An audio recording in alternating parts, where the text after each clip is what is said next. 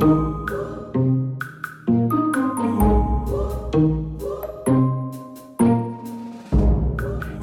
mano vardas Justina ir čia tinklalaidė Pinigai ir reikalai. Kasdien pasaulyje yra išsiunčiama apie 78 milijardus elektroninių laiškų, iš kurių 84 procentai yra brūkalas.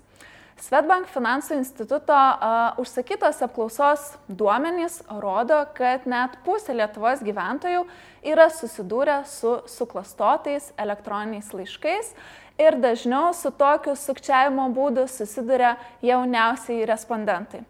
Būtent šiandien apie suklastotus elektroninius laiškus, kaip juos atpažinti bei nuo jų apsisaugoti, kalbėsime su Svetbank informacinės saugos vadove Žygėda Augonė. Sveiki, Žygėda. Labas, Justina. Kuomet kalbame apie netikrus suklastotus laiškus, labai dažnai susidurėme su phishingo savoka.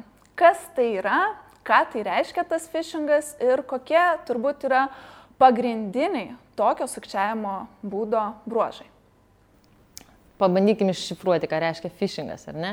Tai tikriausiai žvejyba. Labai... Pirma mintis tikrai atrodo asociacijos su anglišku žodžiu reiškinčiu žvejybą. Tarp kitko, netgi žiūrint į pradžią šito žodžio, ar ne phishingas, tai turėtų būti dar vienas žodis prieki - password phishing. Tai ir yra iš tikrųjų slapta žodžių žvejyba. Kam tai naudojama šiandien, tai iš tikrųjų įvairiems duomenims surinkti. Jautriems duomenims, finansiniam duomenims, įmonės, korporacijų, žmonių bei strateginių dalykų.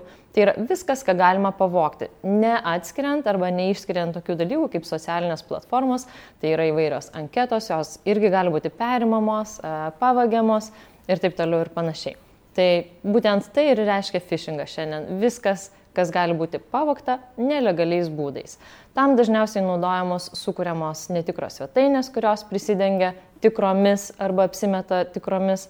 Ir Lietuvoje tikriausiai dažniausiai susidurėm vis tik tais su banko svetainėmis, kurios prašo prisijungti ir suteikti duomenis sukčiam. Kaip ir minėjau, iš tiesų dažniausiai e, mūsų apklausos duomenys rodo, jog uh, su būtent netikrais elektroniniais laiškais dažniau susiduria e, jauno amžiaus e, žmonės. Tai vis dėlto, kogi čia labiau mums trūksta, ar žinių, ar to tokio atidumo ir budrumo, ar abiejų? Labai geras klausimas, Justina. Tikriausiai aš paklausiau klausimą atgal. Kiek laiko mes skiriam savo skaitmeniniam raštingumui?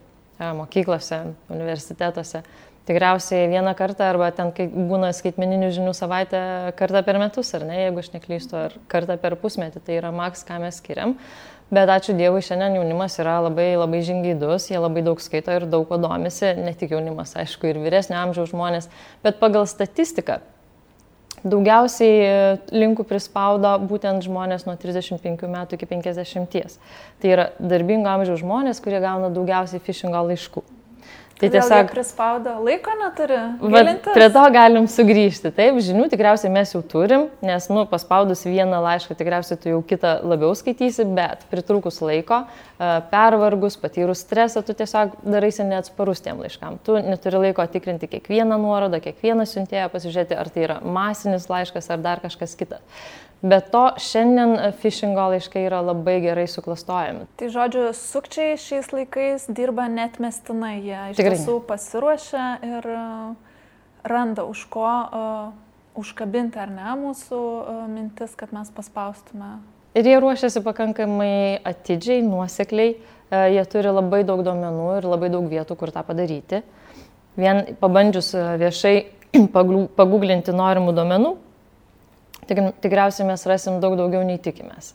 Ar ne, tam yra visi LinkedInai, visi Facebookai, Twitteriai, nu, kur Kartais nori iš tikrųjų. Susimastome, ar ne, kokią informaciją apie save paskelbėme, kuri viešai prieinama. Tikrai taip. Vien jau jūsų draugų, ar ne, vardai pavardės jau leidžia uh, sukčiui suklastoti laišką įtikinamiau nei būtų tiesiog uh, be kreipinio. Vėliau jūsų darbovietė arba mokymosi įstaiga. Visi pavadinimai jie prisideda prie to geriau suklastoto laiško. Na, o jeigu vis dėlto pasimovėm ant sukčių kabliukų, paspaudėm tą nuorodą, atidžiai nepatikrinom, kokios yra uh, grėsmės, žalos, ką galime prarasti, kokius duomenis atskleisti ir pateikti sukčiams.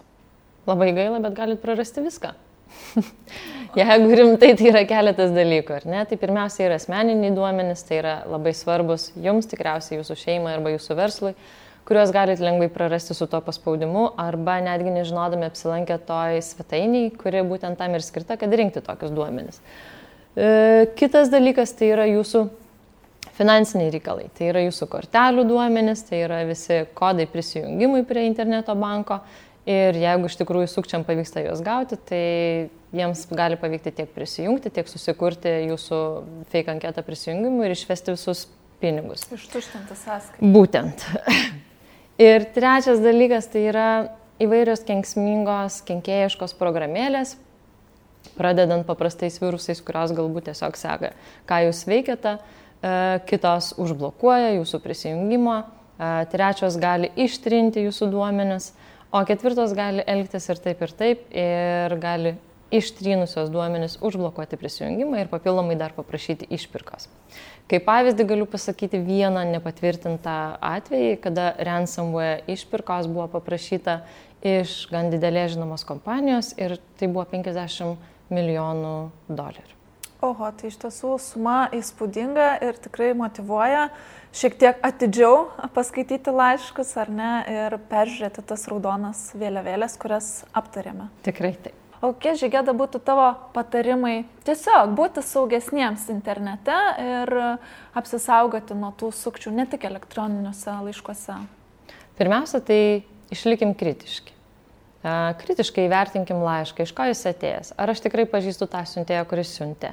Ar aš tikrai žinau linką, kuris tenais įdėtas kaip pažįstamas ir kurį turėčiau paspausti. Jeigu abejojat, nespauskite to linko, ar ne? Geriausia, jeigu gavot laišką iš pažįstamo su įtartinais prisektais failais ir nesate tikri, tai paskambinkit, parašykit žinutę, paklauskit, ar tikrai man siuntė, jeigu jūs to laiško visiškai nelaukit. Reikėtų tikriausiai išlikti budriems netgi pasikeitusiam stiliui ar gramatiniam klaidom. Vis tik tai tai gali būti perimtas laiškas ir sukčiai gali tiesiog bandyti kopijuoti tą prieš tai vykusi bendravimą. Kita rekomendacija - tai slaptažodžiai. Slaptažodžiai yra tikriausiai silpnoji grandis šiandien ir bus rytoj ir aš kiek ten bandžiau domėtis prognozėm ir po dešimt metų, jie vis dar išliks aktualūs. Dažniausiai vieną tą patį naudojam visiems, ar ne? Tikiuosi, kad ne. Tikiuosi, kad ne. Bet jeigu taip daro, tai būtinai pasikeiskit. Tai čia bendra rekomendacija yra turėkit stiprų slaptažodį, ilgą slaptažodį ir bandykit jį atskirti atskiram platformom, mailui, dar kažkam kitkam. Kaip tą padaryti lengvai? Pabandykit įsivesti sistemą. Jeigu turit netgi savo patį stipriausią slaptažodį, pribėkit po vieną skirtingą žodį kiekvienai platformai. Tai jau bus jūsų išsigelbėjimas, jūs to nepamiršit ir sukčiam bus šimtą kartų sunkiau prieiti prie jūsų slaptažodžių.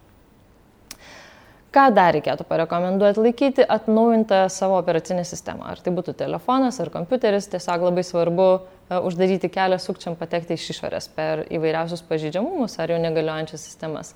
Antivirusinė. Jis taip pat turėtų būti veikianti, uh, kad galėtų padėti apsaugoti nuo įvairiausių virusų parsisiuntimo ir visų kitų uh, piktų programėlių.